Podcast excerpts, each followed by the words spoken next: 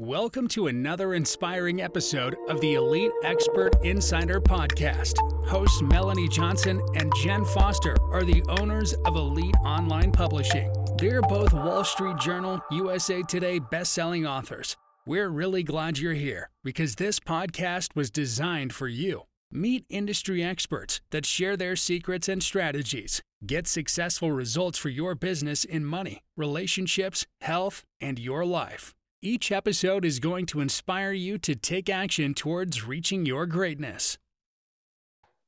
Hey everyone, it's Melanie Johnson. How are you doing today? We hope you're having a great week. I'm here with Jen Foster, my business partner at Elite Online Publishing. Hey Jen. Hey everyone, it's a great day today. It is. We have a very, very special guest, one of our own authors, Linda F. Barrett, who wrote this beautiful book called Circle to Paris. I call it beautiful because I look at the cover, and the cover of the book is so beautiful. She is here to tell us about her journey, her author journey, about her book that became an international bestseller. Linda, thank you so much for coming today. Thank you for inviting me. Well, tell us, Linda, how did you get started in becoming an author and coming up with the story of Circle to Paris? Years ago, I started taking periodic writing lessons, but I'd written all my career 40 plus years. I'm a corporate lawyer. So writing came very easily but i had to make the leap to learn how to write fiction. And i had so many ideas in my head so i took some some courses in texas and we come every summer to our house in, in normandy france and uh, we live surrounded by history. It's just steeped in history. Our house is almost 400 years old. Mm-hmm. And of course, we know the stories of the people that lived here and the, the ups and downs, the wars, the plagues, the fires. And so I had this in my mind that I wanted to bring some of these characters to life in a short novel to begin with, to share them with people in the United States, men and women, but especially young women that perhaps have not had the opportunity yet to come to France and partake of all of the beautiful places, historical places, the Eiffel Tower, the Louvre Museum, things like that. So my goal was to, to bring a little bit of the beauty and history and culture of France to Americans. Well, walk it through the book a little bit. Tell us a little bit of what the book is about and about the characters. Honora Favre is a gorgeous 17, 18 year old Parisian girl. She has grown up with a lot of privilege. Her parents are both lawyers, they're owners of a very prestigious law firm in the center of Paris. And she is expected to graduate from her lycée, her high school, and go to a another prestigious university. And uh, something that I found out through somebody that takes care of my donkeys in Normandy is that if you do not pass the bac or baccalaureate here, you're kind of doomed. Uh, you are not free to apply to just any university that you'd like, like we are in the United States. Mm-hmm. You get one more chance. If you fail it the second time, that's it. There are exceptions. You can you can take a preparatory course to make up, you know, for a year or so, but most people after failing twice just give up. Mm-hmm. Most high school graduating seniors do pass it. But sometimes people get nervous or scared or tripped up or get sick and they don't. So that kind of kicked off my story. I wanted Honora to face a failure with her beautiful, privileged, happy life in Paris as a backdrop.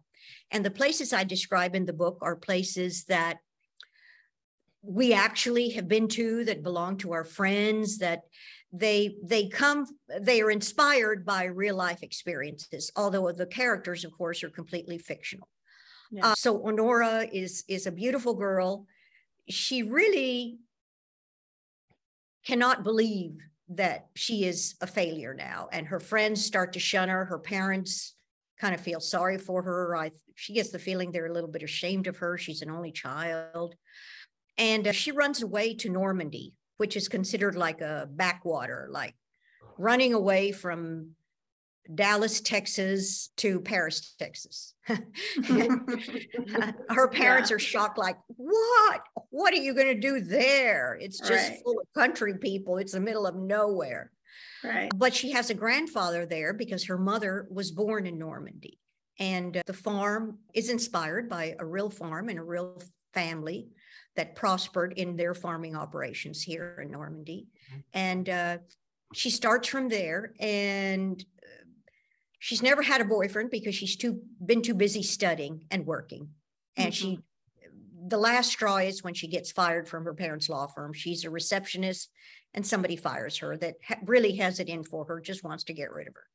So well, she comes to Normandy. I was going to interrupt you really quick because one thing I love about your book is it's not just a romance, it's a, excuse me, it's a historical romance. And the history that you put in there about, you know, even just the exam that they have to take, you put the history of how, you know, Napoleon created that and kind of the history behind why there's this test, right? So I love how you have it more historical as well as a romance and a story. So it kind of moves it along, but also gives you the backstory because I don't know that much about Europe and France. I mean, other than what I learned about Napoleon, but other than that, I don't know too much. You Thank know? you, because the past explains the future. Yeah. And so I wanted people to understand these this bad stuff is happening to this beautiful smart girl because all of this was put in place a long time ago for a reason. Mm-hmm. And it's ironic that Honora's apartment faces the place where this dictator Napoleon is is is buried. I mean, he's in mm-hmm. a crypt, but he's mm-hmm. so all of that is is very ironic. And she goes through ups and downs, mm-hmm. but the moral of the story that I wanted to get across, uh, intertwined with real history, is that no matter who you are, and I can only speak, I'm a woman, I can only speak for women, especially for young women, whoever you are, whatever you're facing, whatever disappointments you're facing, people have gone down that road before you. And don't give up. And if you have an opportunity to do something, do it. Sorry. Me... That's okay. but no, I'm, I'm glad you like the history. I've gotten similar comments from other friends that have friends that have read the book, even in France. And a German lady that works for Air France read it. And she said, I really enjoyed the history. I, I, I'm European and I didn't know some bits and pieces that you had in there, but you had them intertwined with an Honora story and all that. So I, it wasn't like reading a history book. I really mm-hmm. enjoyed it. So I appreciate that. So I know you're already working on your second book. So tell us, I mean, I it took a while to get the first book written because you were learning how to write and doing all this. What have you learned from the first book to the second book in your process and how you're going about writing it? And is it easier? Has the second book been easier for you? It's a totally different experience. It's challenging, of course, but my characters are there, they exist. Mm-hmm. Uh, they're part of my family because I think about them all the time. I can see them in my mind. Sometimes I can hear them. And the storyline is there. And as I wrote the first book, I, I wrote it intentionally to be a quick, fun read, like an airport book. Mm-hmm. knowing that the second that knowing that more stories and more adventures would materialize in the second book so mm-hmm. it's kind of like a sequel uh, mm-hmm. It's challenging, but it it's much easier in in other ways because the characters are there. There will be a few more new characters, but it's all centered around Honora Favre, and of course, she's going to be a mother at the end of the first book, mm-hmm. and that's exciting. So that will spoiler be alert. A new spoiler character. alert. yeah. well, she's pregnant. She's going to be a mama, so yeah. that sheds a new light very beautiful loving light on mm-hmm. on the second book and it, it's going to open that way and there's there's some surprises too. Oh good. Well i know that character development character development is one of the biggest things in fiction writing because you have once you get your characters then it is a lot easier. So tell us a little bit about the process of coming up with your characters. I know you said that some of the historical places around you inspire part of the story but how do you come up with each character well, Honora, Honora's character was inspired by a young woman that started taking care of my donkeys who live on a pasture behind our summer house. And she started taking care of them when she was 14 years old. And she is now close to getting her RN, registered nurse degree. And now, and then she's planning getting a master's. But she flunked her bac. Mm-hmm. And I she lived through that with us and mm-hmm. i could tell the disappointment and the fear kind of in her face when she would come and brush the donkeys and wash them and, and work them because it was like there was a, a, a very dark cloud over her and she's normally a very cheery person mm-hmm. so i knew my heroine is going to be somebody like young woman because and at the time we didn't know if she would pass it the second time Mm-hmm. Thankfully, she did.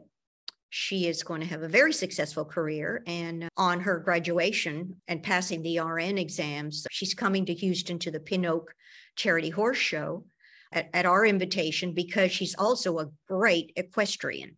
Mm-hmm. So she inspired Honora. She's not exactly like Honora. Honora uh, Favre has many other bits and pieces in her, but that kind of kicked it off years ago, like mm-hmm five or six years ago and then there's so many people that that we know here that have befriended us here that we've learned from here and have helped us. So yes they were part of the characters and, and part of the story. So what advice would you give someone else who's just thinking about writing their first novel? What advice would you give them? Write about what you know and what you love mm-hmm. because it's a struggle to begin creating your story and you have to persevere. Mm-hmm.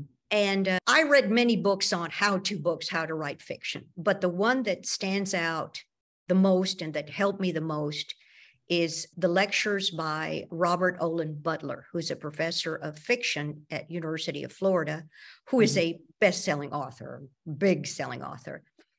He said, creating fiction it comes from where you dream it doesn't come all from here and it comes from your heart from your subconscious so mm-hmm. for anybody thinking i'm going to write about something first write about what you really know most about and what you really love because mm-hmm. your emotions your love your disappointment your fears have to go into building your characters and mm-hmm. and then find good people to publish it that will literally take you by the hand and say no do this do that try this try that like melanie and jen have done for me. So that's what i would tell people.